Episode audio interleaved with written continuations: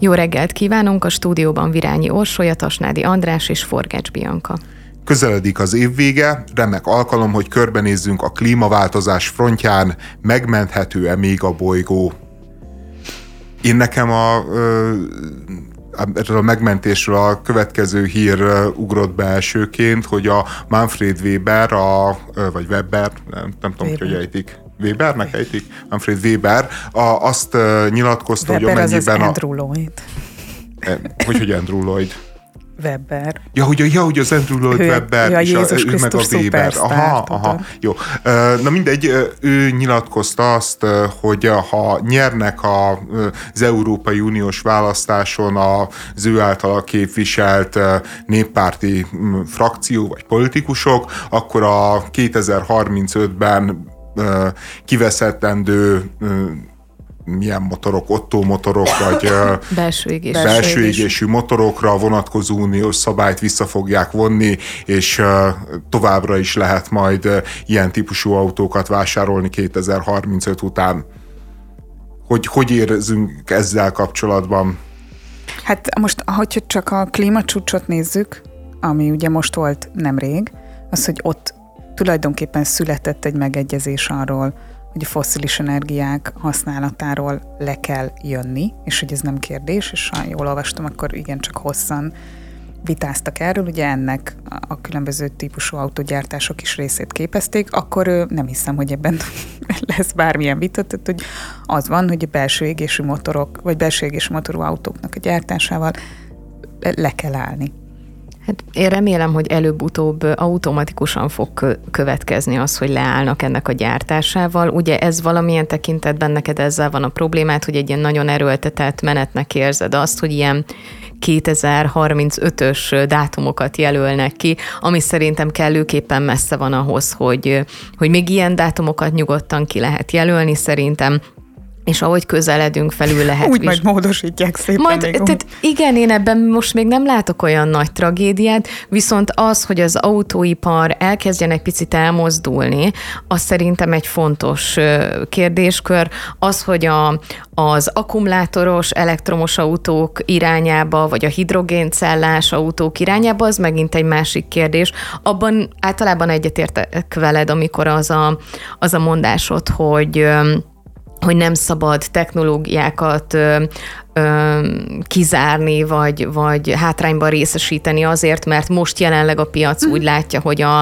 a hagyományos akkumulátorról működő elektromos autók lesznek a, a befutók. Miközben még nem mértük fel azt, hogy, vagy nincsenek arra vonatkozó konkrét mérések, hogy ökológiai lábnyomot tekintve a széndiokszid kibocsátása mondjuk minek mekkora, a hosszú távon mi az, ami valóban ö, károsodást okoz. Tehát most így látjuk. Ö, X évvel ezelőtt az volt a mondás, hogy, hogy az elektromos autók mindenek felett, és azóta kerültünk azoknak az információknak a birtokába, hogy az ehhez szükséges gyártás, vagy az ehhez szükséges bányászat, az például mivel jár, vagy milyen környezet szennyezéssel, vagy környezet károsítással jár, hogy annak milyen hatása lesz, és mikorra, azt meg még mindig nem tudjuk. Hát de az is folyamatosan fejlődik, tehát az akkumulátorok hmm. is, is egy nagy innováció mennek át, illetve ugye a hidrogéncellás autóval kapcsolatban ott meg még konkrétan arról beszélünk, hogy nem feltétlenül tartott hatékonyságban a technológia, valószínűleg azért, mert a hagyományos elektromos autókat előbb kezdték el fejleszteni, vagy valamiért gyorsabban haladnak vele, mint a hidrogéncellásokkal. Én azt hiszem, hogy a hidrogénnel azért alapvetően az a baj, két baj van, hogy egyrésztről igazán talán nem jól megoldott még a, a hidrogénnek a sűrítése, tehát nagyon, nagyon energiaigényes dolog. És ez egy nagyon nagy kérdés, hogy azt az energiát, hogy a vízből hidrogént állíts elő, hogyan azt hogyan nyered. Tehát, hogyha ugyanúgy egy gázerőműbe vagy egy szénerőműből nyered azt az energiát, amivel a vizet szétválasztod, akkor ugyanúgy megette a fene az egészet. De hogyha már zöld áramot használsz arra, zöld energiát használsz arra, hogy ezt a folyamatot elvégezd, az már egy előremutató dolog. De ugyanez a kérdéskör ugye felmerül a az akkumulátoros elektromos autókkal kapcsolatban is, hiszen ott is az az áram, amit beletöltesz az akkumulátorba, származhat zöld energiából, de származhat bármilyen más Mert energiából. Nincsen. Tehát szerintem azt azért érdemes kimondani, vagy, vagy nem, vagyok, nem vagyok abba biztos, hogy ez probléma, de hogy nincs teljesen tiszta felhasználású energia, vagy előállítású energia ma.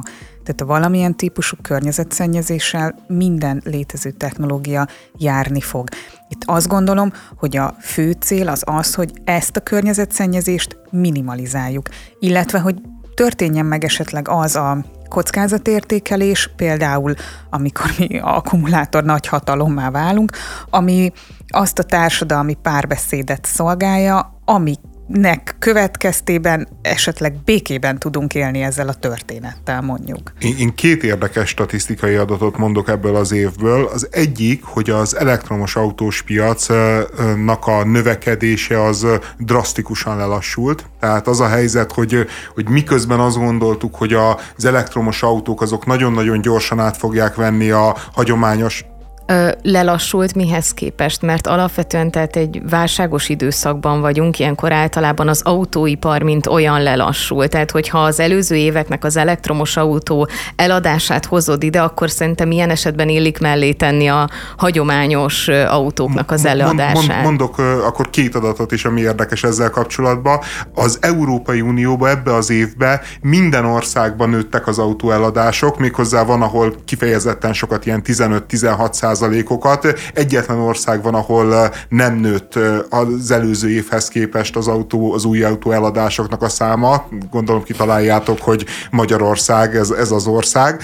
A másik érdekes adat, hogy Nyugat-Európában körülbelül két-három hónapot kell várni a a, vagy, vagy nem, bocsánat, olyan fél évet kell várni a rendes robbanómotoros autóra, hogyha szeretnél venni. A kereskedőknél, miközben stócban állnak az elektromos kocsik, tehát hogy egész egyszerűen maguknak a cégeknek a vár, várakozása, hogy mennyire fog nőni ez a piaci szegmens, az úgy tűnik, hogy nagyon-nagyon felül lett méretezve, és sőt, még mondok egy szintén érdekes dolgot, ami nyilván nem olyan nagy jelentőségű, csak, csak mutatja, hogy azért talán Németországban is változik az elektromobilitásról való gondolkodás. Ugye most nagy pánikban söprik össze a német költségvetésbe különböző pénzeket, mert az alkotmánybíróság döntése miatt sok tíz milliárd euró az kiesett a felhasználható keretből, és ennek az egyik tétele az volt, hogy egyébként kifutott volna 2024-ben,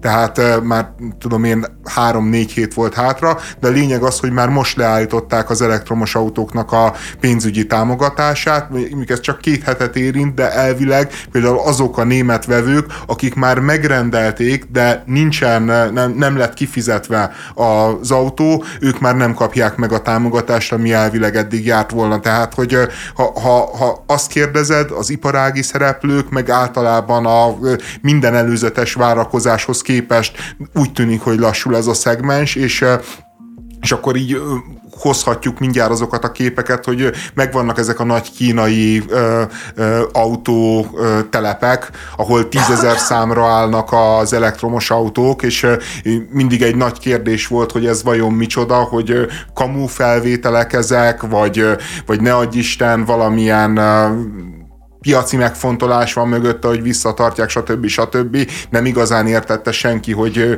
hogy mi történik Kínában. Hát lehetséges, hogy ez történik, hogy egész egyszerűen miközben van a politika részéről egy elképesztően nagy nyomás, és az autógyárak részéről is, hogy az emberek álljanak át minél gyorsabban az elektromos hajtásra, nagyon sokan döntenek úgy, hogy köszönik szépen, ők inkább maradnának a hagyományosnál, jobban bíznak benne.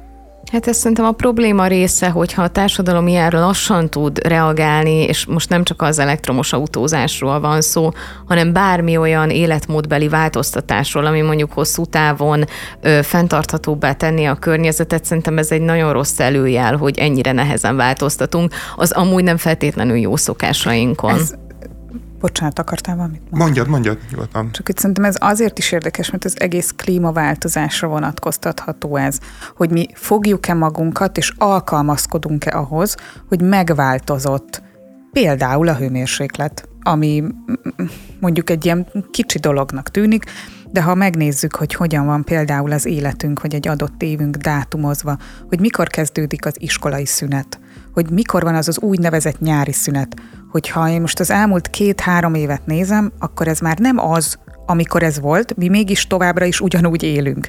Tehát ö, apróság vagy bagatelnek tűnik az, hogy augusztus végén véget ér a nyár, miközben idén, október 30-án még 30 fok volt, vagy október végén.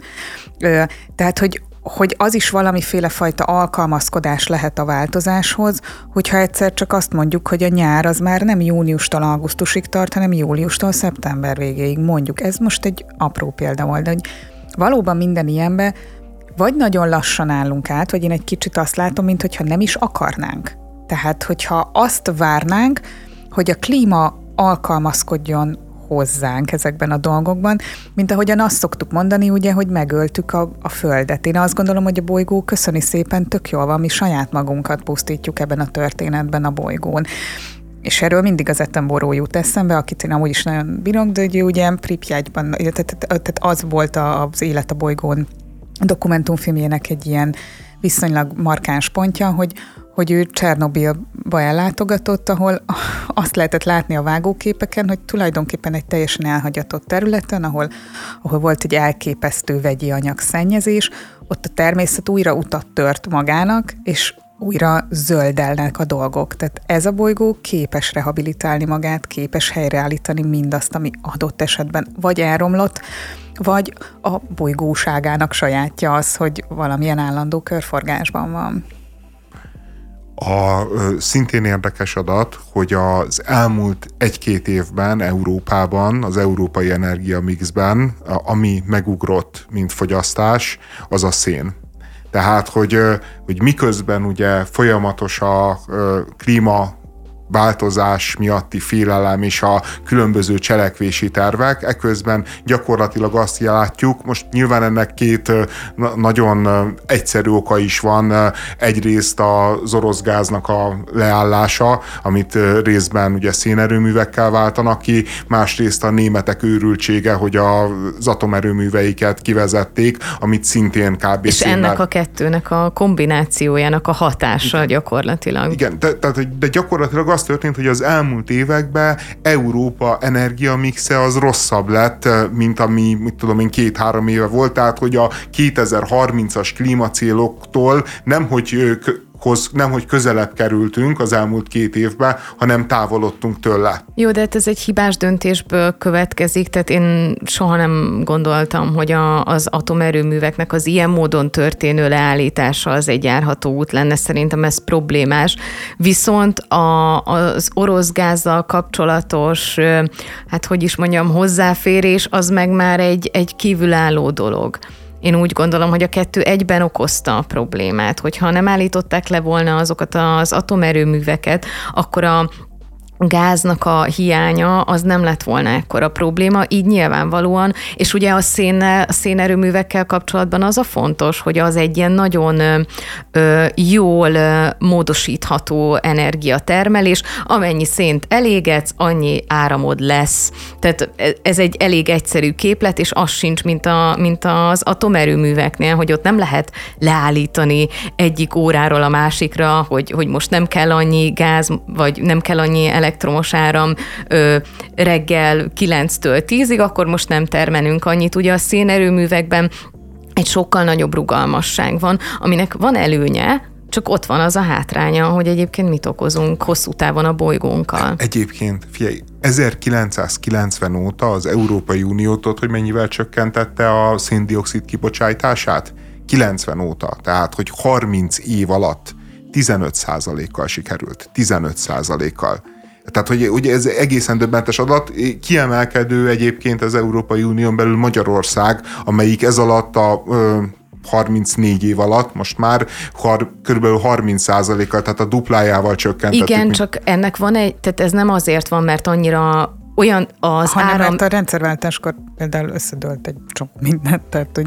Meg, meg azóta a technológia fejlődött, Igen. tehát nem mi lettünk sokkal zöldebbek, hanem a hűtőgépünk, a mosógépünk, amik a háztartásunkba körbevesznek minket, ezek sokkal kevesebb áramot fogyasztanak. Azt hiszem talán pont 90-ben volt a top, vagy 91-ben ö, a top áram, lakossági áramfogyasztás Magyarországon. Ez azóta csökkent, de ez egy technológiai fejlődésnek köszönhető, nem annak, hogy elkezdtünk hát, Meg spórolni. kevesebben vagyunk, meg összeomlott a szocialista nagyipar. Hát erre, én erre értettem, hogy a rendszerváltáskor De egyébként Ny- minden, Nyugat-Európában is az történt, hogy 90 óta a, az ipari termelés egy nagyon-nagyon jelentős részét kiszervezték a harmadik világba, ami ennek következtében most már inkább második világ, ha Kínára gondolunk, sőt, most már lassan első világ. Tehát, ö, ö, te, tehát hogy a, a hatalm, hatalmas, hát a szerény eredmények mögött is egyébként gyakorlatilag ö, ö, olyan okok húzódnak meg, amelyek mindenfajta zöld program, meg zöld politika nélkül is valószínűleg nagyjából ilyen százalékban megvalósultak volna. Tehát én, az én számomra a egyik legnagy, tehát nekem két kritikám van a zöld politikával kapcsolatban. Az egyik, hogy állandóan az egyéneket cseszegeti, és nem a cégeket, nem, nem, nem, nem ott fogja meg a problémát, ahol kezelni lehet, hanem azt mondja, hogy a cégek csináljanak bármit, hozzanak ki akármilyen környezetszennyező termékeket, majd a szépen az emberek ki fogják válogatni, hogy melyik termék nem környezetszennyező, melyik termék környezetszennyező, ahelyett, hogy azt mondanák, hogy nem hozhattok ki környezetszennyező termékeket, ahelyett, hogy azt mondanák, hogy, hogy ö, elvárjuk tőletek, hogy mit tudom én, De ha... nem mondják, mert valakinek biztos, hogy részvénye van abban a környezetszennyező termékben, Nyilván, érted? Ahelyett, hogy elmondanák, hogy az az autó, amit ti ki, kivesztek, annak mondjuk kötelező 30 évig működnie, vagy 40 évig működnie. Vagy annak a mosógépnek, vagy annak a hűtőszekrénynek. Igen, Hát, mert, mert azzal mindjárt ö, nagyot lehetne javítani a, a környezetvédelmen, meg a, a bolygó állapotán, de ezt nem hozzák meg, hanem helyett azt mondják, hogy ráterhelik az emberre, neked legyen szorongásod, amiatt, hogy a te rossz döntéseid vezetnek oda, nem a politika rossz döntései, nem a céges kapzsiság, hanem a te rossz döntéseid, a te falánkságod vezet oda, hogy pusztul a bolygó. Mert ez is a része az egésznek. Igen, és ezért, és ezért nem, nem teszik fel az emberek a kérdést, mert lelkiismert fordulásuk van, hogy biztos velem van a baj? Hanem vele- mindenki de- lapít, mindenki lapít, mert vele van a baj, Szerintem- nem a cégekkel, miközben nem az emberekkel van a baj. Szerintem a, alul van szabályozva az ipar, teljes mértékben egyetértek vele, csak kicsit ilyen, ilyen rosszul érzem magam, amikor, amikor ilyen módon beszélünk, hogy jaj, a csúnya ipar, mintha nem mi lennénk a végfelhasználók, mintha az ipar nem, de nekünk de gyártana. tehetetlen vagy. Nagyon sok helyen. De- Tehát, de- hogy Egy te- csomó te Kicsi mindenben- vagy ahhoz, de- hogy... de viccelj. Egy csomó mindenben tehetetlenek vagyunk, de szerintem, hogyha annyit megteszünk, hogy megpróbálunk egy picikét tudatos fogyasztóvá válni, és ebből kialakul egy társadalmi igény, hogy a politikának ne legyen más választása, csak hogy szabályozza ezeket a cégeket. Ez egy ördögi kör. Én most, ha ezt ha le, lefordítom például a televízió nézési szokásainkra, én azt gondolom, őszintén, hogy a társadalmi igény megszületett arra, hogy mondjuk a való világ az ne legyen. Ettől még van való világ. Mert az van, hogy ez a csatorna úgy dönt, hogy már pedig én ezt az orrod elé dugom, és teszek bele valami olyat, amitől te mégiscsak erről fogsz beszélni. Tudom, hogy ez egy nem feltétlenül a legjobb párhuzam, de hogy, hogy az van, hogy, hogy szerintem ebben valóban kisemberek, és mindenki kisember, aki felhasználó, csak olyan kicsit tud tenni, amit egyetlen egy iparági döntés szétzúz. Tehát ez egy folyamatos ördögi köré válik így. Ezért mondom, hogy szerintem is alul van szabályozva, viszont az meg ilyen felelősségelhárításnak érzem, amikor, amikor ez hangzik el, hogy jaj, hát a kisember az nem tehet semmiről, semmilyen felelőssége nincs az egészben, hanem csak a politika meg az ipar. Szerintem meg tényleg nincsen felelőssége. Tehát az a helyzet, hogy mondjuk te lemész a piacra venni egy kiló almát. Te azt mondod, hogy, hogy ilyenkor az a tisztességes dolog, hogy te fogod, és elmész, és megnézed, hogy melyik bioalma, ha egyáltalán igaz, hogy az bioalma. Tehát még azt se tudjuk egyébként, hogy azok mennyire igazok azok a mondások, amit mondjuk a kereskedő mond, és mennyiben bio az az alma, és mennyiben nem bio, de feltételezzük, hogy igazat mond, és neked meg kell venni a kétszeres áron a bioalmát.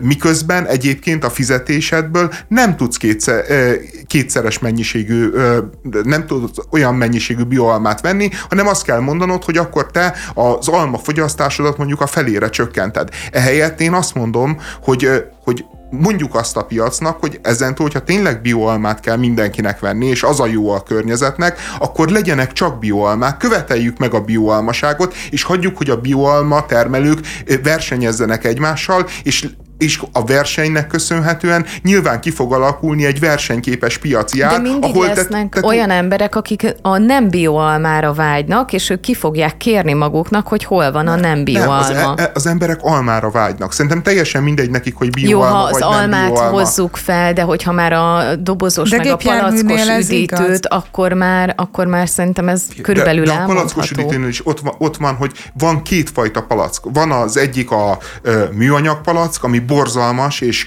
iszonyatosan környezetszennyező, és van az egyébként sokkal jobb élményre is, ö, ö, esztétikumra is a, ö, ez az a te alumínium... élményed, ez a te benyomásod, de valaki azt szereti, hogyha visszacsavarhatja a PET palackot. Hogyha kivezetnék a, a rendszerből a PET palackot, és azt mondanák, hogy nem lehet ilyen fél literes PET palackokat kapni, kizárólag ugye fél liter az fémdobozba akkor mindenki olyat inna. Na de ha virágozzék, minden virág elven haladunk, akkor itt mindenből sok milliárd félét kellene gyártani. Tehát az sincs, hogy valaki egyszer csak nem húz egy határt, és mondja azt, de, hogy de mostantól hogyha, ez De hogyha azt, azt mondjuk, hogy a PET palack rossz, és, és nem szabad, hogy PET palack legyen, akkor tiltsuk ki a PET palackot. Azt ne csináljuk, hogy azt mondjuk, hogy mi engedélyezzük a PET palackot, de emberek, hogyha ti nem veszitek, akkor majd nem lesz PET palack. Én Tehát, támogatnám, hogy, ez... hogy tiltsuk ki a PET palackot. Én, Én ebben partner lennék. Az idei közlekedési fejlesztésekről, illetve eseményekről fogunk beszélgetni. Egy picit ráfókuszálunk Budapestre, mert az időnk nem igazán engedi, hogy országosan vizsgáljuk a, az idei közlekedési eseményeket, mert bőven volt. Hát csak a mával elülhetnénk itt egy hetet. Hát csak a mával, meg igazából csak Budapesttel is, meg ö, bizonyos esetekben úgy gondolom, hogy csak a metróval, vagy csak a Lánchíddal is, de talán egy kis említést ö, érdemel ez a kettő ilyen hatalmas beruházás az, ami elkészült idén, ugye a hármas metró átadása, ez eltartott egy darabig, illetve a Lánchídnak a... Aranyosan mondtad, eltartott egy darabig. Hát... De tervekre lett kész. Hosszadalm, hosszadalm. Ott, ott szerintem volt csúszás Elég a, sok. a hármas metrónál. A Lánchíd az, ami korábban lett kész, Igen. mint a tervezet. A hármas metró az az egy irgalmatlan csúszásban volt, és ráadásul a szakaszok is megbomlottak, azt hiszem, hogy ahogyan a felújítás volt. Nekem az volt az érzésem folyamatosan a hármas metró felújítás alatt, hogy hogy én nem emlékszem, hogy mikor mentem végig utoljára ezen a vonalon, hogy ez valaha járt végig ez a tehát hogy az, az nagyon sokáig tartott. Aha, én nem nézek elég meg a font ezek szerint, mert nekem ez nem esett le. Én, én, én, én, én úgy voltam vele, hogy azért ezt a karácsony egész ilyen jól megcsinálta, meg jól le lett menedzselve. Én szerintem igen, ugye itt a probléma például a, a buszsáv, nem buszsáv, azóta kivezetett buszsávból, biciklisáv ügyekből volt inkább, tehát én nem, most én nem hibáztatom, vagy ilyesmi, ezt nem azért mondtam, hanem hogy hanem hogy egy ilyen örökké valóságnak tűnt nekem ez hát a metró Alapvetően felújítás. ez egy nagyon hosszú folyamat volt, tehát, de összességében egy ilyen volumenű metrófelújítást nem lehet elvárni, hogy két nap alatt készen Persze. legyen, tehát nem ez a, uh-huh. nem ez a mondani valónk, hogy jaj, hát nagyon hosszú volt. Nem, és nem, abszolút hanem, hanem ez, ez valamilyen tekintetben ö, természetes. Tehát ez a metró és a Lánchíd volt, ami, amit Budapesten elég nagy ö, fejlesztések, és hát idén lett kész mind a kettő. Ugye mind a kettőnél az az érdekes, hogy vont magával egy ö, egy közlekedési kérdéskört. Ugye az M3 metró esetében az, hogy a felszabaduló buszsávokkal mi történjen, mi történhessen, és hát ugye jelenleg a legtöbb helyen védett kerékpárút található az Ülői úton, illetve más szakaszokon is. A Lánchíd esetében szintén felmerült egy ilyen kérdéskör, ugye, hogy visszaengedjék-e a, az autósokat a Lánchídra, és ott is az a döntés született, hogy nem, nem engedik vissza az autókat a, a Lánchídra. eredmények. A lakógyűlés, igen. Milyen, milyen jó erről megemlékezni. Igen. És egyébként szerintem azért az elmúlt hónapok is azt bizonyítják, hogy a Lánchíd autós forgalma nélkül is azért működik a város. Tehát, hogy, hogy az a kétszer egy sáv valójában annyit nem számít. Hát hogy... pont annyira van dugó, mint amennyire előtte. Igen. igen. Igen, cserébe a buszok hatékonyabban tudnak közlekedni, amelyek a Lánchidat használják, illetve az sem utolsó dolog szerintem, hogy kerékpáros közlekedési szempontból is van nekik felület, mert hát ugye a Margit hídon van kerékpár sáv, ugye a gyalogosok mellett, hát azt szerintem valami borzalmasan van megoldva. Azaz. Tehát szerintem kerékpáros szempontból is szükség volt egy, egy ilyen hídra. Uh-huh. Abszolút. A budapesti felújítások, fejlesztések kapcsán szerintem, ami még hát az előző évnek az ilyen szomorú, vagy a szomorú híre, az a Lázár Jánosnak a fűnyírója, darálója, ami végigment a budapesti fejlesztéseken, és gyakorlatilag az történt, hogy az összes komolyabb projekt, ami készült, vagy készülhetett volna, olyanok, amik már tervezés alatt voltak, olyanok, amiknek már a tervei készen voltak, és uniós finanszírozás volt rájuk, amiket vissza kell fizetni, azok el lettek kaszálva a gazdasági válságra hivatkozva. Én számomra egyébként a legnagyobb kérdés most Budapest kapcsán az, hogy tényleg a Vitézi lesz-e a Fidesznek a főpolgármester jelöltje, amiről nagyon sokat beszélnek. Ugye a Vitézi volt az, aki ezekben a kérdésekben úgy, hogy volt közlekedési államtitkár, tehát ne, nem vádolható a soros ügynökséggel, vagy karácsonypártisággal. Ő nagyon-nagyon keményen beleállt ebbe a Lázár Jánosos fűnyírásba, és azt mondta, hogy óriási károkat okoz a, nem csak Budapestnek, hanem miután Budapest közlekedése az azért nagyon szervesen része az ország közlekedésének, ezért az ország közlekedésével is, és általában a vasúti infrastruktúra lepusztulásával, tehát a Vitézinek mindenképpen láthatóan, hogyha el fogja vállalni ezt a főpolgármester jelöltséget, és hogyha a Fidesz őt fogja indítani, annak valószínűleg egy olyan típusú ígéret lesz a budapestiek felé, és egy olyan típusú ára lesz a kormányzat részéről a Vitézi felé, amely meg fogja ígérni, hogy ez a fajta újravasútisítása Budapestnek, és Budapest újragondolása a vasút szempontjából az megtörténjen, ami nyilvánvalóan egyébként óriási potenciál a városnak, mert,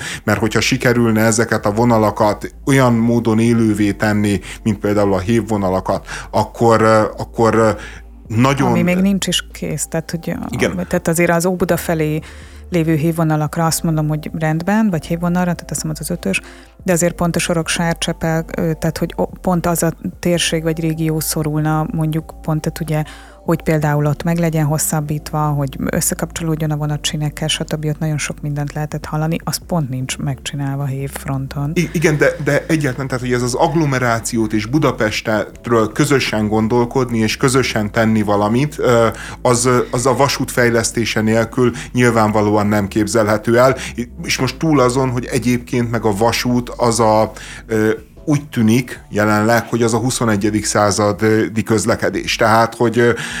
hogy Már nem Magyarországon, fenn... de alapvetően igen. Hát igen, de Magyarországon is ez lesz a 21. századi közlekedés, csak kérdés, hogy milyen minőségbe kapjuk meg. Tehát az, az biztos, hogy Európa nyugati felébe elképesztő vasúti fejlesztések vannak, Olaszországban pedig nekik már van Milánó meg Róma közötti ilyen, ilyen szupergyors vasútjuk, most bejelentettek valami két-három új nagy vasútvonalat, amit Európai Uniós Mi meg felújítjuk fognak. az e- egyes vonalat. Igen. Nálunk meg lehet kirándulni, hogyha lerobban a vasút.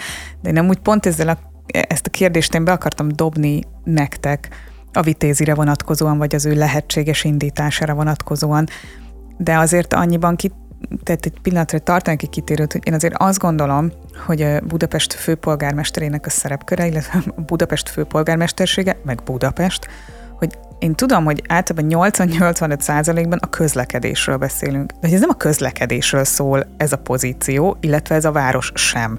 Nagyon-nagyon fontos része, de, de messze nem annyit tesz ki, amennyit amennyi az optikája ennek, tehát én azt gondolom, hogy ez egy elképesztően sokrétű feladat, és millió egy más összetevőből áll. De ezt most csak ilyen zárójelbe akartam. És a karácsony melyikhez ért ezek közül? É, bocsánat, én ezt egy árva szóval nem mondtam, hogy bármihez is. De általában jó a fest, ezt tőled tudom.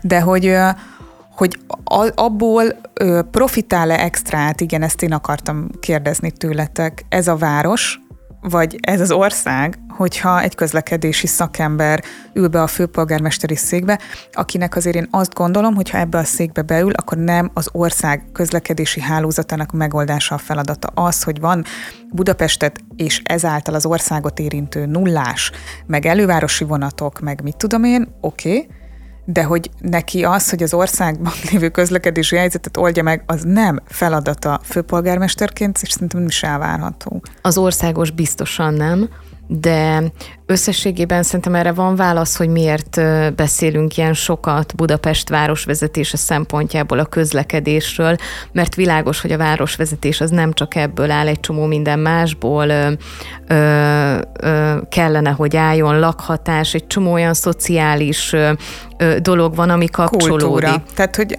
érted, a kulturális intézményeknek a 80%-a a fővárosban van. Ez több tízezer, hanem százezer dolgozó. Tehát, hogy, de most csak egy példát mondtam, tehát hogy tökre örülök, hogy a Vitézi egy közlekedési szakember, és ez valószínűleg kiválóan ért, mi van az összes többi területtel, de hogy, hogy mennyit tud profitálni egy főváros a közlekedési szakember. Én azért hajlok arra, hogy, hogy egy, egy város életében a közlekedés szervezés az, az kihat mindenre.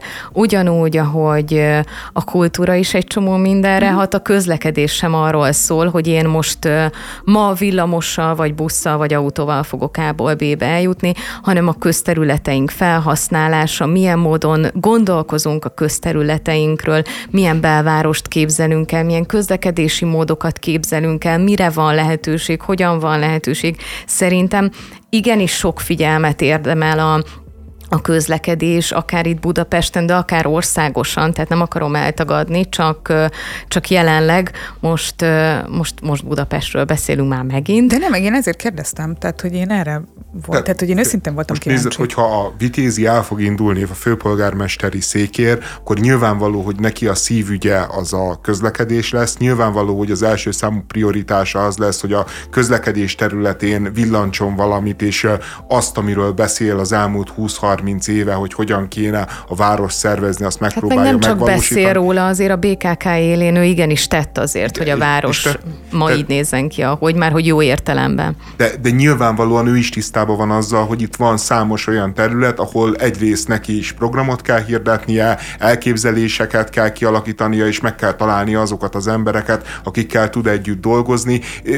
Én, én szerintem igazából azért nagyon nehéz kérdés, mert valójában a karácsony Gergely nem gondol igazán mást a, a közlekedés szervezésről, mint, vitézi, mint a Vitézi Dávid. Tehát, hogy azt hiszem, hogy volt is egy ilyen ajánlat, amíg az előző választás uh-huh. idején, hogy ő el tudná a Vitézit, mint BKV elnök képzelni. Tehát, te, tehát a, a karácsony szerintem akár még szabad kezet is adna a vitézinek közlekedésfejlesztésben, mert nincsenek érdemi különbségek. Nyilván vannak rész szakmai kérdések, amivel másként gondolkodnak. A, az a kérdés, hogy vajon most Budapest szempontjából, vagy budapesti választói szempontból, hogy vajon, ha a közlekedés a fontos, vagy ez a legfontosabb, akkor uh, akkor a karácsony a jobb ember arra, aki kis lépésekkel akár meg tudja ezt csinálni, vagy vitézi a jobb érdekérvényesítő, aki talán nagyobb kormányzati hátszelet tud magának biztosítani, de egyáltalán nem biztos, hogy, hogy tehát nincs erre garancia, hogy meg fog történni. Másrészt meg nyilvánvalóan nagy kérdés, hogy egy esetleges vitézi győzelem, ami azt jelenti, hogy visszatérnek a budapesti kultúrpolitikába azok a fideszes elvtársak, akik most négy évig nem voltak, azok majd majd mit fognak tenni azokkal az intézményekkel, amik most azért a, mit a budapesti ellenzéki választók számára valamennyire, vagy nagyon is fontosak. Tehát bonyolult képlet. Nyilvánvalóan egyébként szerintem, hogyha csak önmagába a két embernek a kvalitásait, meg városveze, város vezetői munkásságát nézzük, és összehasonlítjuk a zuglónak azt a négy évét, meg a, vagy az öt évét, meg ennek az elmúlt öt évét Budapestnek azzal a sikertörténettel, ami a Vitézi volt, mint BKK vezető, akkor nyilván a Vitézi mellé szól több érv. Ha komplexen, meg nagyobb képben nézzük, meg Látjuk azt, hogy azért a karácsony egyébként milyen ellenséges környezetbe kellett, hogy vezesse ezt a várost, akkor már nem olyan egyértelmű szerintem ez hát a kérdés. Egyáltalán az almát a körtével próbáljuk összehasonlítani, tehát a városvezetés Igen, egy az egy nagyon sokrétű dolog, ami, ami nem csak a közlekedésből áll, nincsenek olyan jogosítványok rendelkezésére bocsátva egy főpolgármesternek. Az, hogy Vitézi Dávid, amit a BKK élén csinált, az szerintem tagadhatatlan, hogy csak a város javára vált. Én nem vagyok arról meggyőződve, hogy emiatt neki főpolgármesternek kellene lennie, arról viszont meg vagyok győződve, hogy neki valamilyen tekintetben részt kellene vennie Budapestnek a közlekedés szervezésében, és ez nem biztos, hogy az, hogy ő legyen a főpolgármester. Ezzel együtt abban sem vagyok biztos, hogy Karácsony Gergely olyan nagyon-nagyon jó főpolgármester, ahogyan megállja a helyét. Itt be is hoznám a Városháza parkot, mert... Hogy megígérte?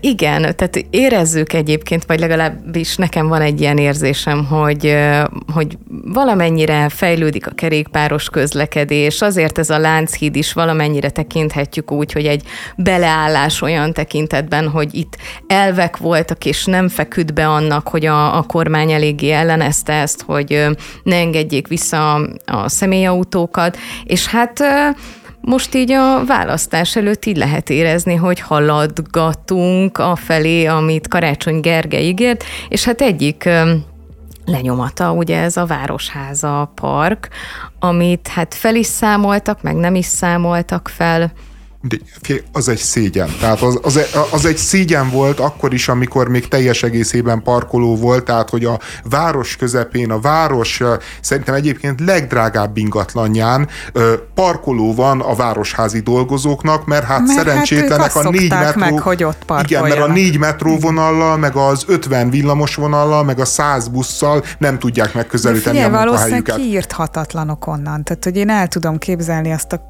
kismillió dílt, amit meg kellett kötnie neki. Ezért, mert 30 éve ott parkol Ilonka a bérszámfejtésről, most mondtam Igen. valamit, és az van, hogy egyszerűen nem, nem lehet megoldani. Jó, csak azért itt felmerül az a kérdés, hogyha valaki egy város szeretne vezetni, de a saját hivatalával kapcsolatban nem tud eljárni, hogy, hogy azt mondani, hogy ezen a helyen nem fognak a Jó, de ismered hivatal... ezeket a bekötéseket így húsz évre visszamenőleg, amit egyszerűen egy oda, oda kerülsz, és így nem tudsz kibogozni. De akkor ennyi erővel hogy... így elengedhetünk bármit, akár a városvezetés. Hát el is engedett egy csomó mindent, tehát hogy a Merlin Színház. De, a város közepén van egy épület, ami négy éve főpolgármester Karácsony Gergely most van az, hogy egy estére megnyitották azt az épületet. Az egyik legértékesebb ingatlan a fővárosban effektív a közepén áll egy színházi intézmény üresen. Jó, most adatták, most a közgyűlésen kiderült, hogy akkor majd 25-től kié lesz, de nagyon hasonló, így 10 éve rohadott a Berlin.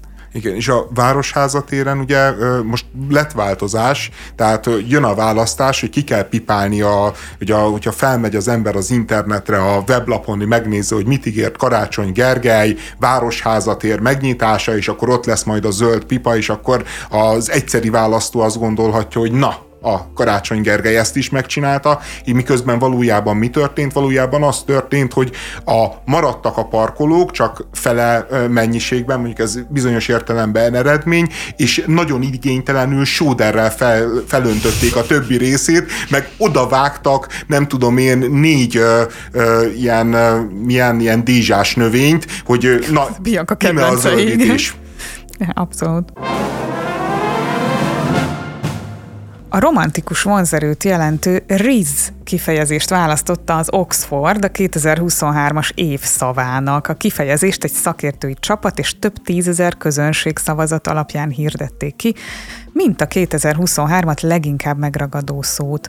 Mondom, hogy hogyan lehet definiálni azt, hogy riz, stílus, báj vagy vonzerő, a romantikus vagy szexuális partner elcsábítására való képesség és egy csomó másik nagyon izgalmas szót taszított le a trónról, mint például a... De, de erre nem volt szó? Tehát, hogy a, a ríz szót, azt mi, mit használtunk helyette? Mert ez így ilyen romantikus karizma. Vagy, hát, angolul? Azt vagy? mondják, nem, hogy... magyarul. Hát azt mondják, hogy a, valószínűleg, tehát lehet, hogy a kar, karizma szóból ered, ugye? Igen. De hogy erre használtunk így valamit, hogy... hogy ne, nem volt erre szó, mert egyébként nagyon adja magát, hogy, hogy legyen egy szó arra, hogyha valakinek ilyen delejes képessége van a csajok elcsábítására, hogy azt, azt nevezzük valahogy. Szoktuk de, csak de az, csak nem, nem HH képes, nekem van erre szava. De, de, de a jóképű is más jelent, mert, mert a jóképű az ki mondja azt, hogy jóképű? András, ki, de, de én, nem, én használom. Hát igen, de egy bizonyos korosztály nem, magamra, nem mondja, de... hogy jóképű. Hát ez ha nem, Schneidig, fiatalember, érted? Nincsen, ezeket nem használjuk szerintem. Mi a jóképű is már a Schneidig kategória? Nem, nem hát... Ne vicceljen Jó, már. nem, de hogy az annyira... Tehát jó... szám, hát most ez, ez azért szerintem egy... Jó, akkor mit használ? Tehát a ríz helyett... De mi mászkálunk így, ne haragudj jó. este, hogy nézd már ezt a fiút, milyen handsome. Észrevetted? De miért? Ne, nem, nem szoktál Mondunk barát... ilyet, hogy handsome? Mondunk, nem és mondok, mindig meg is kapjuk a magunkat. Én nem, de ne, ez, ne. Jó, mit mondasz a Brad Pittre, amikor beszélget? Hogy 60 éves, ezt elhiszitek? Tegnap ezt a, én megálltam a fejlődő. 60 éves az az ember. Hát és hogy néz ki? Hát milyen szexi. Na, ja, ezt mondod, hogy szexi, aha, aha, értem. Hát jó hát, csávó. Mi, mi, jó hát nem csávó. Mondom, nem jó, mondom tudod? azt, hogy ott van benne a ríz. Tehát, hogy ezt nem, ha ezt erre vágytál. És azt sem mondom, hogy nézd már ezt a Breddet, micsoda handsome fiú. Hát n- nem. Sármos. De most neked hiányzott? Én soha életemben nem hallottam ezt a szót, hogy ríz. Te hallottad? Én sem hallottam, csak engem azért le- lepett meg, mert, mert tényleg egy hiátust fed le. Tehát, hogy, hogy az, amit leírnak, az egy létező jelenség, és, és nem volt rá szavunk. Tehát, hogy... Me, me, me, Használd me, egészséggel. Jó, majd igyekszem. Majd, amikor látok szimpatikus, jóképű, nagyon vonzó férfiakat, akkor, akkor meg mond, Akkor azt mondanád, hogy nézd csak, micsoda jóképű fiúját, azt mondod, hogy nézd azokat a rizzeket ott. De hogy mondom, miket taszított maga mögé, például a Swiftit, ami ugye a Taylor Swift rajongóira használt kifejezés. The influencing, a beige flag, megjelent a beige flag, a red flag. De mi a the influencing? Bizonyos termékek megvásárlásáról való lebeszélés. Ha az influencer, tehát most már létezik... Influencing, igen. Ha, tehát most már létezik valaki, aki nem influencer, hanem... Hanem defluencer. Defluencer. igen. Na, e- ez egy csodálatos Ez ötletes szakma. egyébként, igen. De nekem a beige flag is bejön, az ugye olyan jellemvonás, amitől valaki nem elég eredeti, vagy nagyon unalmas. Igen, van a Heat Dome, ez a tart, ezt is értem, egy adott földrajzi terület fölött tartósan fennálló magas nyomású időjárási rendszer. Szerintem a meteorológusok kitettek magukért, hogy felkerüljenek van, van erre a listára. Igen, van valami igen. lobbyuk a Oxfordba. Ez tehát nagyon mert... kemény, igen. Akkor itt van a prompt, hát ezt azért szerintem így használtuk eddig is, parasocial ugye egy közismert ember iránt érzett egyoldalú viszonzatlan kapcsolat, melyben a rajongó tévesen úgy érzi, hogy barátja a hírességnek. Hát Brad Pitt és köztem van egy ilyen paraszósal kapcsolat. De ez egyébként ez egy nagyon jellemző ez kapcsolat a modern világban. Tehát, hogy a, a sztársághoz, meg a sztárkultuszhoz az Igen. kifejezetten erőteljesen Most pont láttam, ez. a Fókuszban volt talán egy ilyen anyagot, hogy az Angelina Jolie jött Magyarországra, és van olyan rajongója, aki mindenhol követi, és már a reptéren is öleléssel köszöntötte.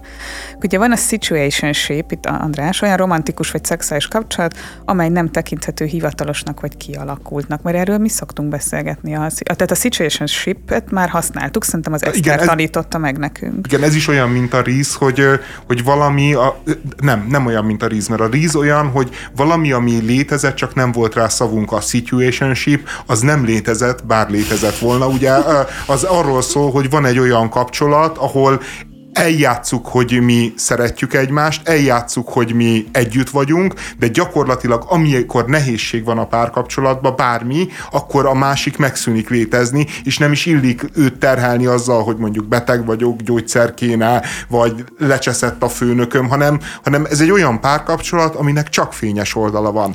És annyira csodálatos, és én nem tudok betelni a gondolattal, hogy, hogy vannak emberek, akik, vagy vannak férfiak, akik így élnek, hogy és ami még a tavalyi évszavát akartam elmondani nektek, mert szerintem az nagyon cuki, ez a Goblin Mode, vagyis ez a kobold üzemmód, ami a Covid-ból ragadt ránk, ugye ez a filter nélküli valóságot kereső emberek, akik tulajdonképpen mosatlan haja, lustán, ágyban fetrengve, nem kell senkinek megfelelni, nem kell sehova menni, egy ilyen kobold üzemmódban szeretnének létezni.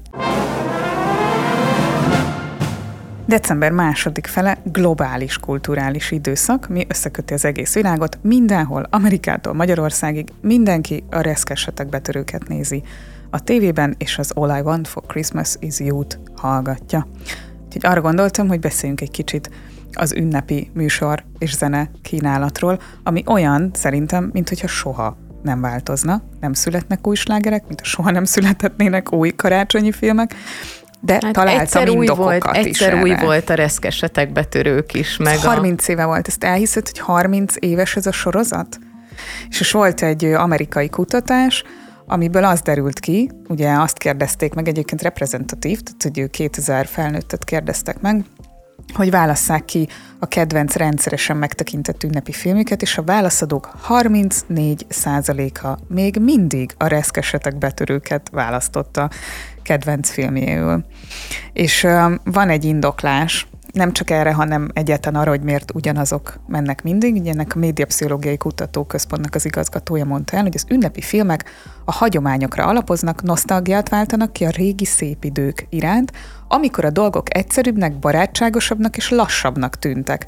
De arról is beszélt, hogy az ünnepi kedvenceink újranézése éves rituálévá válik, és ugyanúgy jelzik a karácsonyi időszakot, mint ahogyan a jól ismert plázában unásig játszott számok. Tehát tulajdonképpen egy ilyen biztonságérzetet okoz, amikor ugyanazt nézed és hallgatod.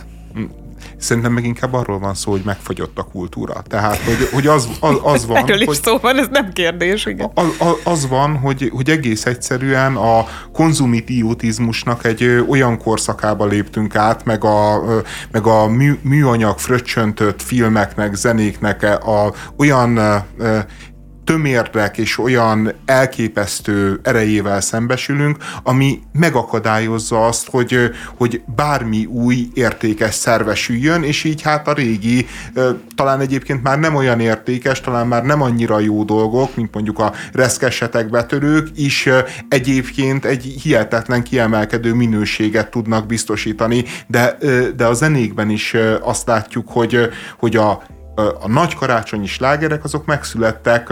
Az 50-es években egyébként, az 50-es és 60-as évek volt az aranykora ezeknek, amikor rájöttek ugye a, a kiadók arra, hogy tulajdonképpen a single playlistekre karácsonyi dalokkal is föl lehet kerülni, és lehet bitorolni az első helyet. Mm. És így születtek meg az 50-es, 60-as években azok a számok, amiket a mai napig. Igen, de, de most a Last Christmas, ami szerintem a második legnagyobb karácsonyi szám, ugye a Vem-től, az egy 1984-es dal. 1984, az most már 40 éve 40, 40 éve debütált a slágerlistákon, hát és, és a... gyakorlatilag frissnek hangzik az összes többi mellett. De mi, a, Jing, a Jingle Bell Rock, meg a Rockin' Around the Christmas Tree, az az 50-es években született. Igen, és, és hozzájuk az... képes frissnek hangzik, hát és igen. egyébként még ezek még mindig slágerek, és akkor ott van a, ami kicsit kivétel, mert a 90-es évek, 94 talán a Mariah Carey-nek a, az All I Want is Christmas for You, ami, Christmas, ami a legnagyobb, tehát szerintem az a giga karácsonyi sláger,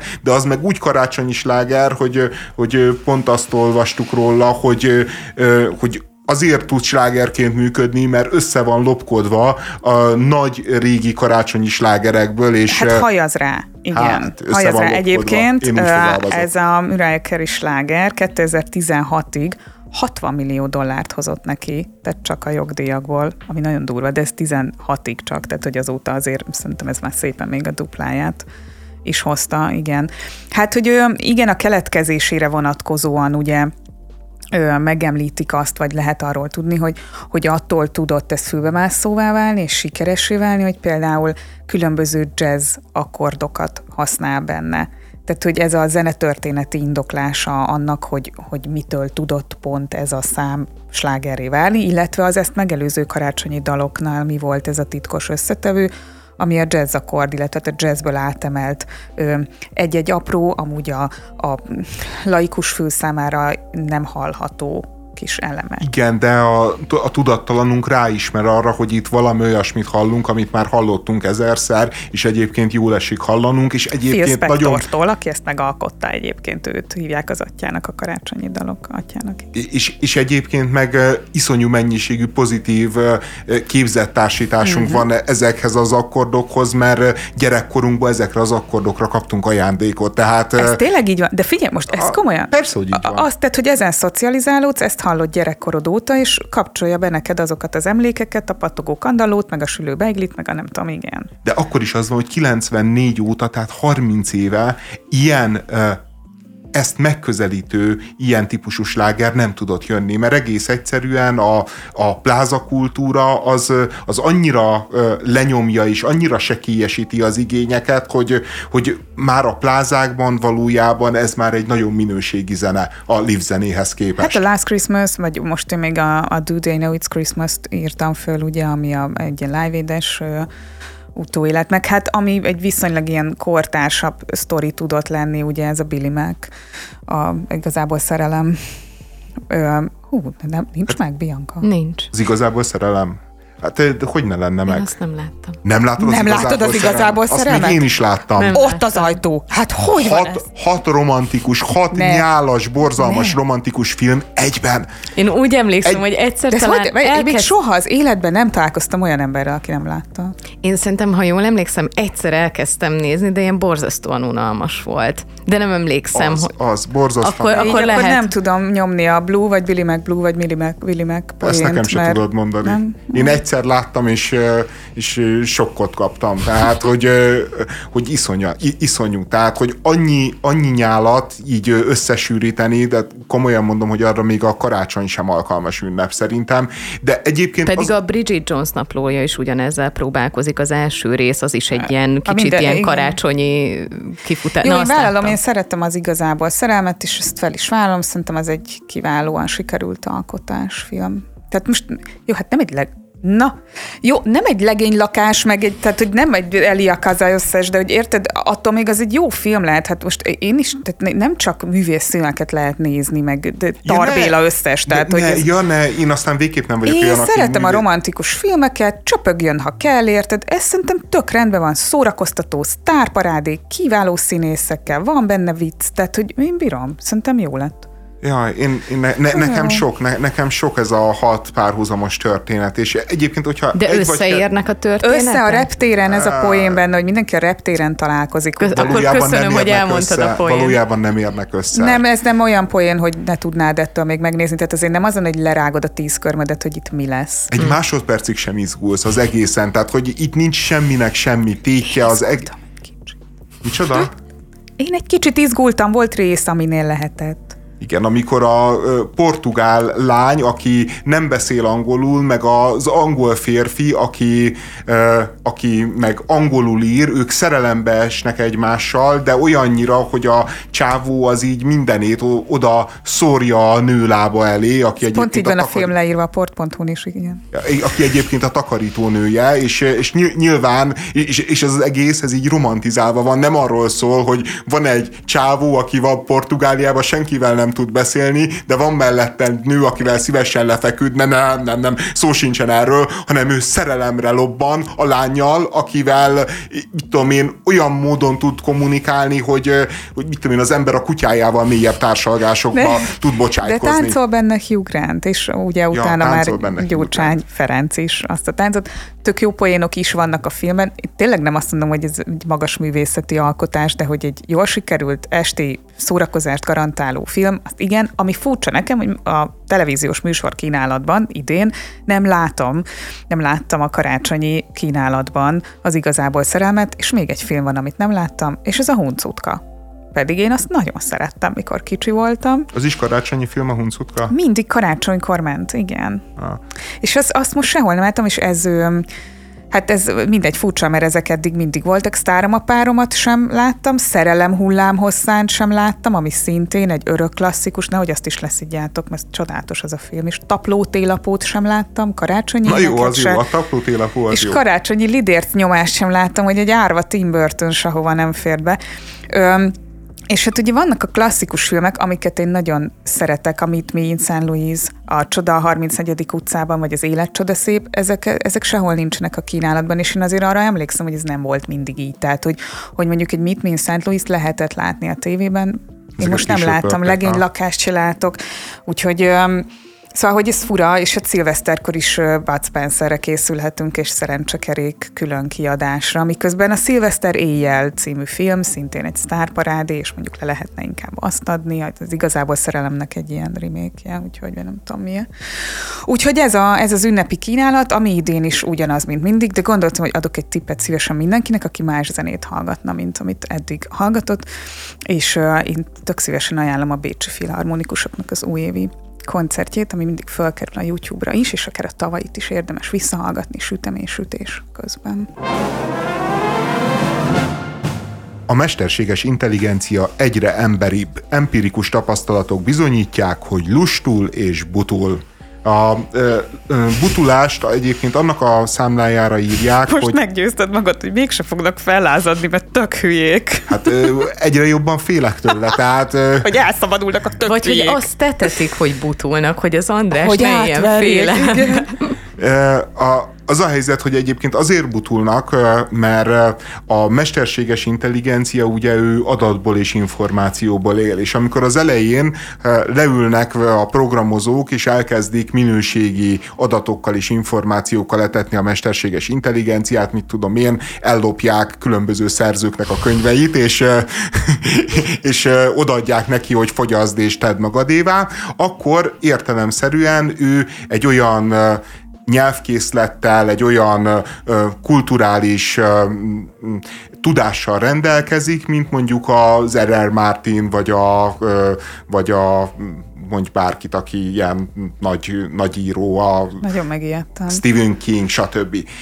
Aztán ugye ez megtörtént, és megjelentek ezek a csodálatos mesterséges intelligenciák, és elkezdtek kommunikálni többek között egymással, és elkezdtek olyan tartalmakat fogyasztani, amiket ők írtak. Ugye a mesterséges intelligenciáról tudni kell, hogy már komplett könyveket, komplett könyvtárakat írnak meg, és hát a mesterséges intelligenciákat ráeresztették más mesterséges intelligenciák Könyvtárakat alkotá- és szakdolgozatokat írnak és szakdolgozatokat, és ráeresztették ilyen típusú információkra, és hát számára nyilvánvalóan egy gép számára mindegy, hogy, hogy az az adott információ az a ChatGPT 2.3-ból jön, vagy a George R. R. Martinból. A, a lényeg az, hogy, hogy ő mind a kettőt relevánsnak tartja, és ennek köszönhetően elképesztően sokat esett a teljesítménye. Másrésztről meg lustább is lett, az azt mondják.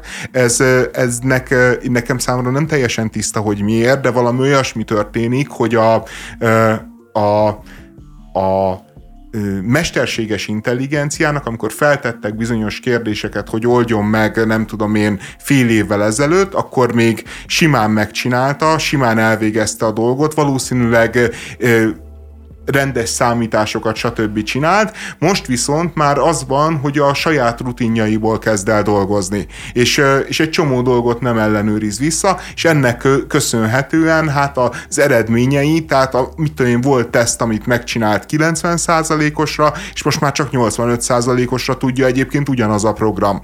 Ígérgetik a fejlesztők, hogy majd frissíteni fogják, és hogy az ő hibájuk, mert elmaradtak frissítések, de a lényeg, hogy a mesterséges intelligencia ilyen trendeket is produkál. Amit ebből a szempontból egyébként én a legnagyobb problémának, vagy megoldandónak érzek, és azt hiszem, hogy a 2024 az utolsó év, amikor ezt muszáj rendezni, azok egyébként a szerzői jogi kérdések a mesterséges intelligencia kapcsán, és ez nem csak az íratra vonatkozik, ugye itt a Midjourney-t is lehet hozni, tehát az van, hogy szerintem a jogi háttere ilyen típusú vonatkozásban, tehát a jogdíjak vonatkozásában ki minősül alkotónak, ki nem, ezt, ezt muszáj rögzíteni, mert én azt gondolom, hogy legtöbb probléma ebből fog fakadni, és hogyha mondjuk megnézzük a filmes sztrájkokat, stb., hogyan használják fel azt engedély nélkül, a, akkor ebből már most vannak olyan problémák, amiknek egyszer nincs meg a jogi háttere, és ezt ki kell találni. Szerintem ez, ez a 24-es év kihívása. Hát én, én egyébként szerintem ez a legkisebb kérdés a mm. mesterséges intelligencia kapcsán. Tehát ez a jogdíj dolog olyan, hogy, hogy, hogy az lesz, hogy az erősebb kutya csinálja azt, amit csinál. Ezek a tech cégek, ezek ez átgázolnak. Az egész iparág ilyen, hogy lopásra épült.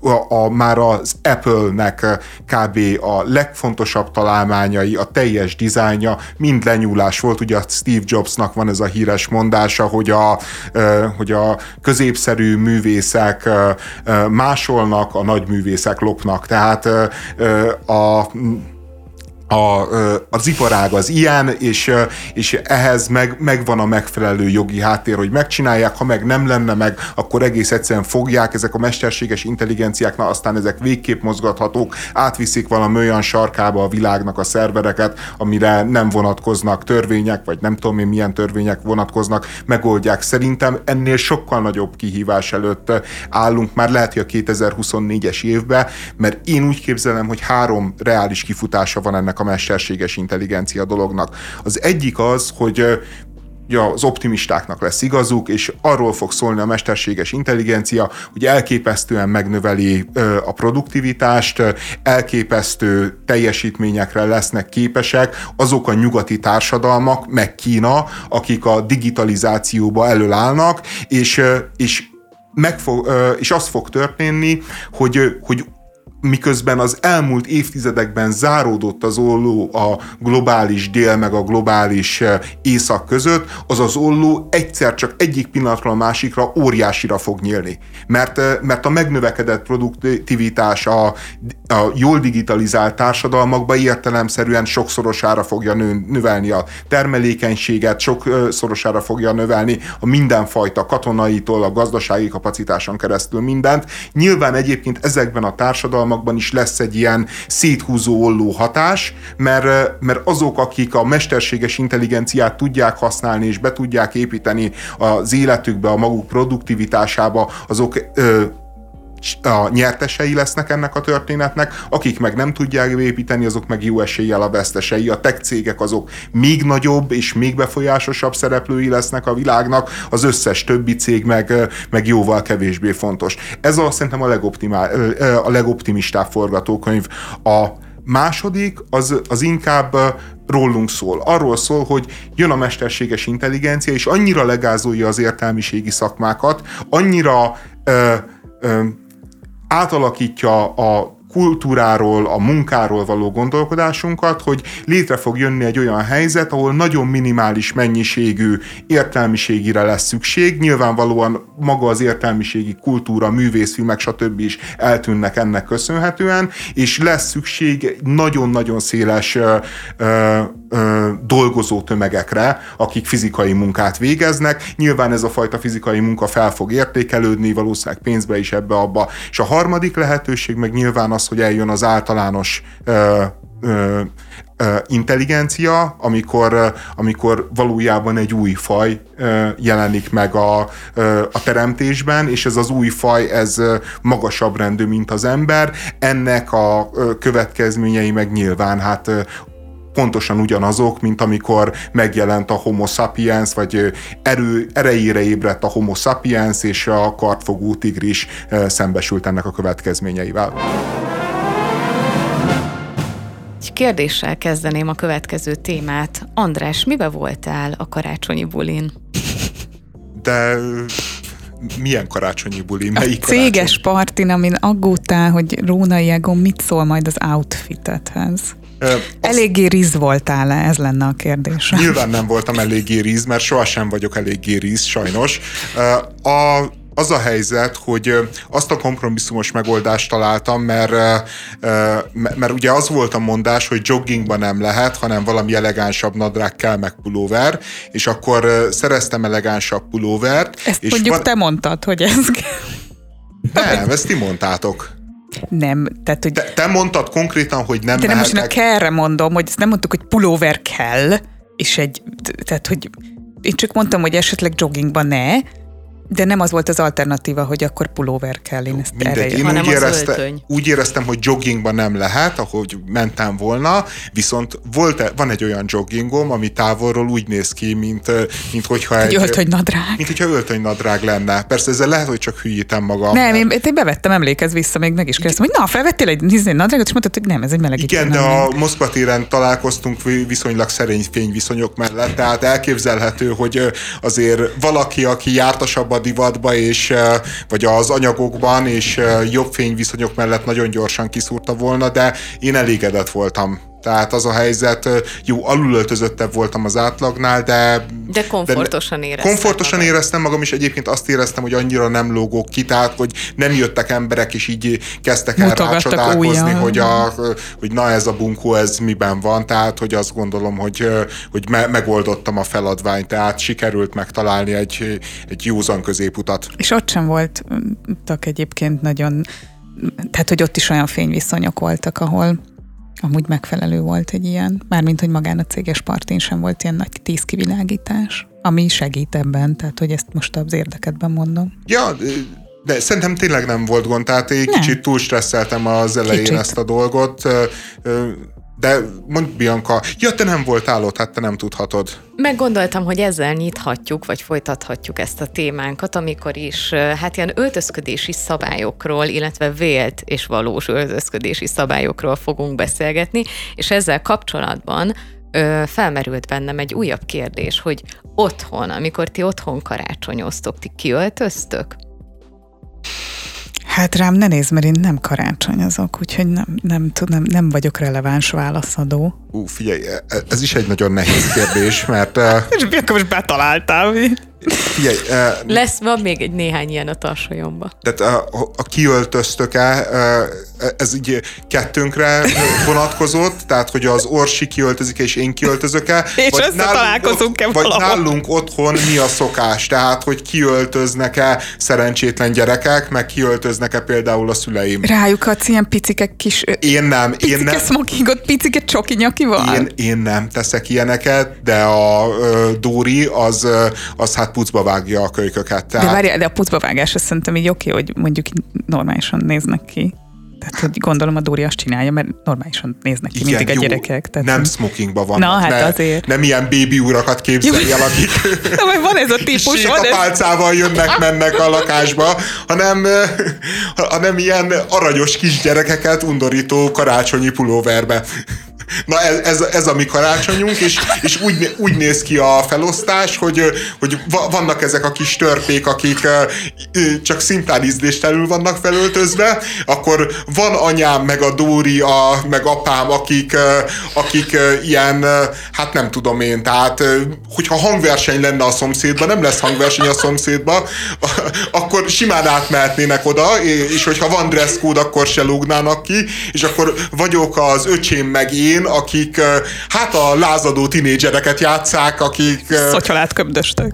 Ö, azt pont nem, de minden mást. Igen, tehát a hoodies világ az, ami, amiben nyomulunk, én rövid nadrágba, ő hosszúba, tehát hogy így ez, ez, a, ez a karácsonyi szett, tehát nincsen egységes felállás, hanem, hanem az van, hogy a gyerekeket megnyomorítják a szü- az anyjuk, a, a, a, a szülők azok már meg, meg vannak nyomorítva, és vagyunk az öcsémmel, akik így próbálunk a normalitás sér harcolni, de nyilván minket is megnyomorított az elmúlt 30 év borzasztó kenet teljessége. Na de, hogyha van egy ünnepi vacsora, már mint mondjuk leül az egész család az asztalhoz, és e- eszik valami normálisra. Akkor ne- felöltözöm, kezdődik- igen, tudom, akkor felöltözöm. A, a, akkor, akkor előveszem a smokingomat, mert én- hogyha kajálok, akkor a smokingba esik jól. Igen, ezt csinálom. De Úgy nem képzel- ezt akarta, én a Dórit akartam megvédeni, hogy nem nyomorítja meg azokat a szerencsétlen gyerekeket, hanem például megtanítja azt, hogy azért így, ha van egy ünnepi, tehát én most nem a szürke keddeken elkövetett lebencslevesről beszélek, hanem arról, hogy mondjuk van egy karácsony esti ünnepi vacsora, ahol összegyűlik a család, akkor ott azért az, hogy azon a gyereken egy tiszta ing és tiszta nadrág van, az miért akkora probléma? Hát a tiszta nadrág, meg ing azért az még rajtam is elő szokott fordulni. Tehát, hogy elnézést, tehát, hogy azért ezt úgy, tehát hogy arra gondolok, hogy nem amiben a homokozóban játszottak, meg összesarazták, meg nem tudom, hanem rájuk ad a és az a baj, hogy a bébi urak járnak végig. hogy a gyerekek ilyen kis sétapászak közlekednek. De hogy én a Dóri mellé akartam állni, hogy szerintem azért az, hogy az ünnepi asztalnál normálisan nézünk, és nem a Black Tie-ra gondolok, amivel utána át lehet ruccani a Nemzeti Filharmonikusok évadnyitó koncertjére, de... A Dóri védelmében akkor el szeretném mondani, hogy a péntekesti lebbencslevesnél is tiszták a gyerekeknek a ruhái. Tehát, hogy mielőtt még valaki ránk küldené a családsegítő szolgálatot, meg a gyermekjóléti szolgálatot az Orsi kedves célozgatásának köszönhetően, akkor jelzem, hogy felesleges, nem fognak semmit se találni. Én, én, jót, én jót akartam. Ez nem a gyerekekről szólt, András, hanem leginkább rólad, amit én úgy képzelek el, hogy a rövid nadrághoz, amikor a Dóri elég sokat mondogatja neked, így felveszel egy zakót így a válladra. Nincsen, nincsen zakom. Nincs egy zakód. Nincsen, nincsen Komolyan? zakom, tehát ilyen nem fordulhat elő, nem. Hudiszt veszek fel, és abban nagyon-nagyon jól érzem De akkor magam. legalább mondd, hogy van olyan oda, amire így rá van nyomva egy nyakkendő, mint Ne.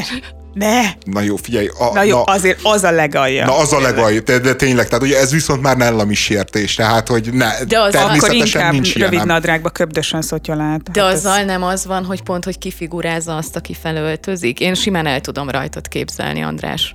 De én nem akarok kifigu, de ez a szörnyű, hogy én nekem nincs ez a fejembe, én nem akarok senkit se kifigurázni, mindenki öltözön úgy, ahogy neki tetszik, ahol hogy jól érzi magát. Én csak annyit szeretnék kérni az öltözködéssel kapcsolatban, hogy senki ne basszogassa a másikat. Tehát, hogy nekem, nekem pusztán ennyi az arcpoetikám. Tehát, hogy, hogy nincsenek grandiózus elképzeléseim, nem akarom az arcomra formálni a világot, meg a, a ruhatáramhoz a, a divatot, nyilván nem is sikerülne, csak, csak annyit szeretnék kérni, hogy élni és élni hagyni, hagyjuk egymást békén, ne piszkáljuk. A gyerekeket iszonyatosan sajnálom, és néha azt érzem, hogy, hogy gondos szülőként közbe kéne avatkoznom, de, de utána meg arra gondolok, hogy a lelki békém is az egy fontos szempont a gyerekek lelki békéjén túl, és az én lelki békémet meg az szolgálja, hogyha elvonulok, mint általában bármilyen konfliktus elől a családba, és bezárkozom a kis szobámba. Borzasztóan rosszul érzem magam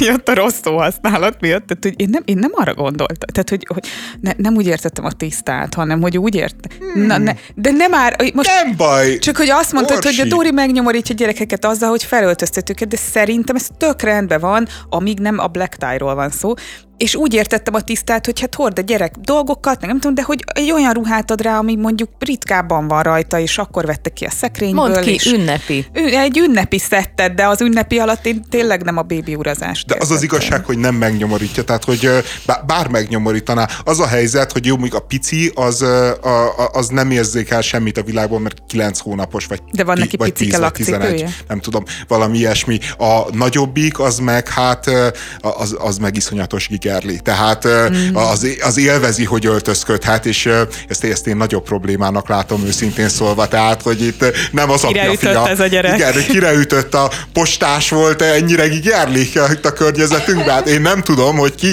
de én biztos nem, de a, de a lényeg, hogy a, a gyerek az iszonyatosan élvezi, és nagyon-nagyon-nagyon büszkén mutogatja a rénszarvasokat, meg a, de, de bármit, tehát, hogy...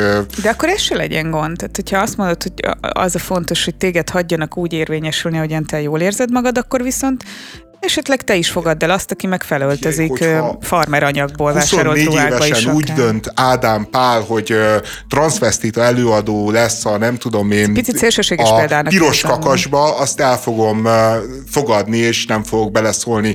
Az, hogy, Mert hozzátok jár az oviba olyan ember, aki erre tanítja? Nem, szerencsére nem. Szerencsére nem Nyugat-Európában élünk, ahol ilyen előfordulhat, szerencsére Magyarországon megvédi Orbán Viktor a gyerekeket, de, de az a helyzet, hogy én ebben nem Ádám Pálnak a ö, belső indítatását, meg belső motivációit látom, hanem sokkal inkább az anyjának a hatását, és emiatt gondolom azt, hogy, hogy nem biztos, Tehát, hogy az, hogy... hogy a gyermek igényes, és esetleg szeret jól kinézni, az egy női hiba. Figyelj, én semmi... Ezt nők ráerőltetik a gyerekre.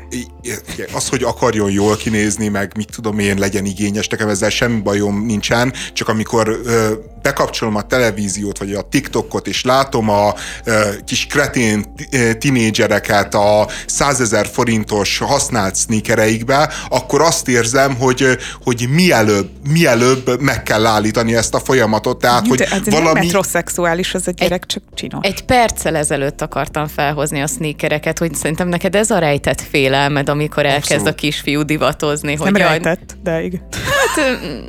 De nem csak a sneakerek, hát az összes ilyen hülyeség, meg az, ö, tehát ott van például az Azaria. Az Azaria 21 éves srác, hihetetlenül értelmes, hihetet, tehát hogy mondjam, hogy eng- engem lenyűgöz, ahogy azt kommunikál, már 10, mit tudom én, amikor 16 éves volt, amikor először Paul Streetként találkoztam vele, és valamelyik TikTok videóban látom, hogy így magyarázza, hogy hát, hogy a, neki nem tudom én milyen designer kabátja van, meg designer cipője, de hát igazából egyetlen olyan dolog van, ami nem eredeti rajta, hanem az Alibabáról vett valami hamis Gucci-t, és hogy ezt nézik az emberek drágának, pedig nem is ez a drága, és így nézem, hogy uramisten, hát ez egy tök értelmes csávó volt még három perce. Még tök értelmes volt, hogy mi történt vele, és hát tudom, hogy mi történt vele. A Gucci, a márkák, a sneakerek, a, ez, ez az egész uh, uh, gigárli sötétség, ami így körbeveszi a, a mai fiatalokat, akik állandóan önmagukat azzal akarják kifejezni, hogy különböző világmárkáknak a, a nyomasztó és értéktelen és ostoba logóit illesztik magukra. És Bianca, te felöltözöl karácsony estére szépen? Mert te nem válaszoltál a saját Tiszta. kérdésedre. Tiszta- tiszta ruhát tiszta ruhába, igen. Ebből már jövök ki. Hát hisz karácsony van, ilyenkor a tiszta ruha. Évben egyszer mosunk, igen. Hogy olyankor aznap le is fürdünk, igen. Tehát, hogy mert te nem mondtad még el. Ö, olyan különösebben nem, de, de nem feltétlenül az otthoni melegítőmben vagyok. Ilyen, ilyen átmenetet választok. Ezzel utaltál most valakire? De, de mi az átmenet? Tehát, tehát nem kosztüm, nem melegítő, hanem egy Nem farmer. kisestéi, de, de valamilyen csinosabb felső, mondjuk. Ilyen egyszerűbb. Na, Aha. És a családban is ez a... Ö, Nagyjából igen. Lehet, hogy úgy kéne megfogalmazni, hogy olyan dolgokat veszek fel otthonra, amit, Otthon nem amit szoktál. otthon nem szoktam, de amúgy De az szoktam olyat. meg igen. igen, igen, igen. a, tehát jó, de az kiöltözés jelent, igen. Hát otthon mindenképpen. De nem Ha el- kiöltözés, csak az otthoni léthez képest. Hát igen, az a kiöltözés. Hát kiöltözik az utcára, kiöltözik a... De, az nem, de a kiöltözésnek nincs egy ilyen pejoratív felhangja? Vagy? Természetesen van. De nálad az mindennek, aminél az öltözés szó szerepel, tehát ez így nem jó, igen. De ugye kiöltözés, az, tehát hogy ez nálam, a, tehát, hogy a, igen, a kikerázás. Tehát az, hogy te akkor pucba Jó, vágod magad. És te nagy kera királynő vagy, gondolom. Hát egyébként nem. Jaj. Annyira. De nem, hát most figyelj, hogyha De- olyan esemény van, akkor, akkor kiöltözöm, de igazából ilyen nem volt már négy éve. Tehát, hogy ki tudnék, de nem volt mostanában ilyenem. Tehát, Aha. hogy azt hiszem négy-öt éve volt utoljára. Ha kiöltözöm, akkor én ki vagyok költözve, az igaz, de olyan nagyon rég volt. Lépjünk egyel tovább, a karácsony után jön a szilveszter, még ott van egy dilemma, ugye, A flitterbe bújtatott lányok. főleg, hogyha elmész otthonról, mert azért reménykedek, hogy otthon kevesen húzzák fel a flitter rucit, Magas sarkúval, hogy, hogy abba hallgassák a éjféli köszöntőt. ahogy Novák Ahogy Katalin. Novák Katalin. De Igen, van ez a típus egyébként. Hogy otthon is flitterben van? Hát, hogy felöltözik szilveszter estére szépen, gyöngyöző bor vagy pesgő, és akkor úgy hallgatja meg a köztársaság Az olyan szomorú. asszonyt. Az olyan szomorú. Szerintem nem. Nekem, nekem megszakad a szívem. E, e, Ez Már a köztársasági elnök asszonytól? Nem, az emberről, aki felöltözik a köztársasági elnök asszonynak, hogy vele kocincson a tévé előtt. Nem vele kocint, hanem hogy azt megvárja, és akkor... De hogy... De figyelj, te De például... most ezt te, te nem érzed, hogy ez milyen végtelenül szomorú? Nem, figyelj, nekem a nagyszüleim is ilyenek voltak, semmi problémájuk nem volt az életben, tök jó a szituált család. Szilveszterre Egy probléma Egyébként- biztos. Tehát a De most eszembe jutottál, eszembe jutott rólad a nagypapám. Igen, mert hogy ő, neki volt egy ilyen olyan melegítője, ami ilyen ünnepi melegítő volt, és mindig csak karácsonykor és szilveszterkor látom. Az öreg egy segít. De, Hát, na, de, na, de az egy melegítő cucc volt. Egy ilyen világos kék, ugyanez ilyen hoodie egyébként, és egy hozzávaló nadrággal, de azt csak ünnepekkor vette föl. És azt vette föl például mindig szilveszterkor is, tehát hogy ez volt kvázi a kiöltözés, tehát nem az van, hogy pucba vágták magukat, de hogy tényleg így felöltöztek, és akkor azt mindig megvárták. Na, és na, az öreget tisztelem, de eb, ebbe tényleg van koncepció, ő ad a ö, tradíciónak, ad a hagyománynak, ad a környezetének, de egyébként meg megtartja az önazonosságát. Egy, ö, lehet, hogy nekem is kellene egy ünnepi, egy ünnepi melegítő. egy ünnepi igen. melegítő. Kérj karácsonyra. Igen, lehet, hogy azt fog kérni a Jézuskától. Egyébként én a uh, szilveszterrel azért nem tudok uh, na- nagyon hozzászólni a dologhoz, mert, mert én ilyen kifejezett szilveszter grincs vagyok, tehát uh, a, nagyon szeretem a karácsonyt, mert azért az egy ilyen tök jó ünnep, meg, uh, meg, uh, meg az értékeivel, a hangulatával, stb. így tudok azonosulni.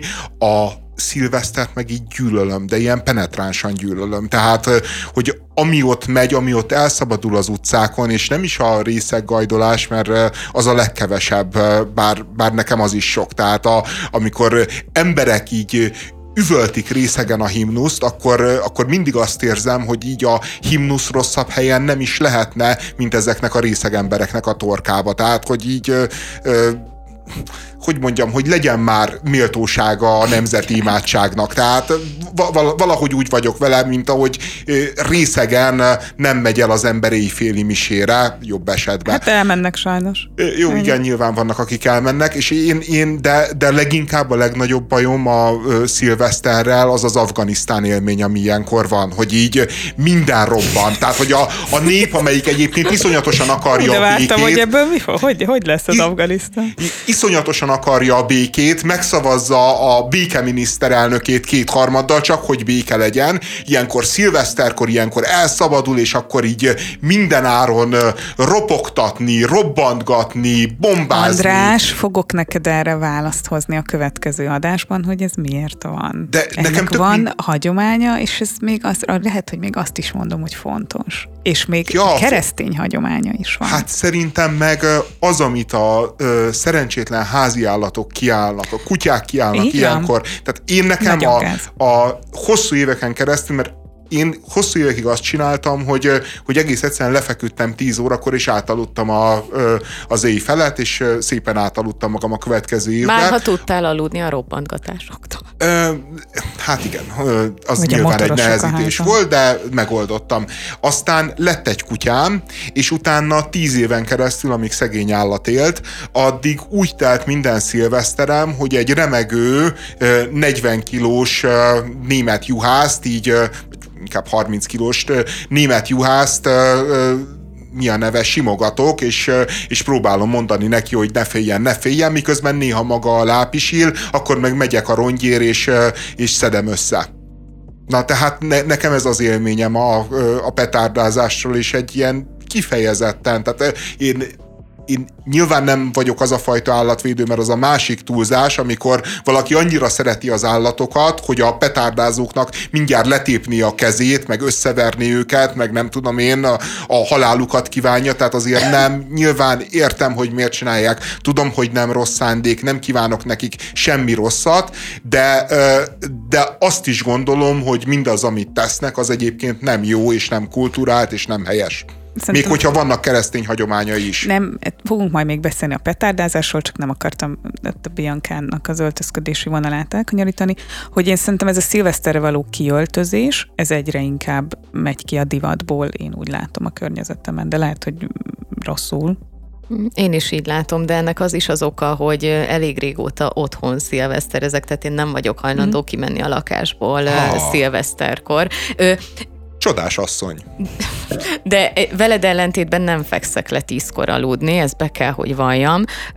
Viszont a kiöltözés az abszolút nálam így, így hátra maradt így a szilveszterrel kapcsolatban senki nem igényli szerintem, hogy otthon, amikor társasozunk néhány baráttal szilveszterkor, akkor valamilyen gicsben parádézzunk. Ha csak nem a tévé és a köztársaság De ez az utcán se tudom, hogy miért kell, főleg úgy, hogy állatira hideg van. Tehát én azt se értem ezeket a spagetti pántos flitterbe bújtatott lány, hogy nem fagynak szét a városban. Szétfagynak vagy szerintem. Szétfagynak, hát nem csak érez. mutogatni akarják a dekoltást, meg a jó De lábukat. nyáron. Hát. De télen is szeretnének szexik lenni, és Amúgy ez, ez érdekes, hogy miért a szilveszter ilyen, hogy akkor tényleg mindent flitterbe lehet borítani, és, és az év többi, és az év többi, többi buli az nem ilyen. Nagyon szépen köszönjük a figyelmet, reméljük, hogy tartalmas volt az elmúlt két óra, és jövünk holnap még vissza.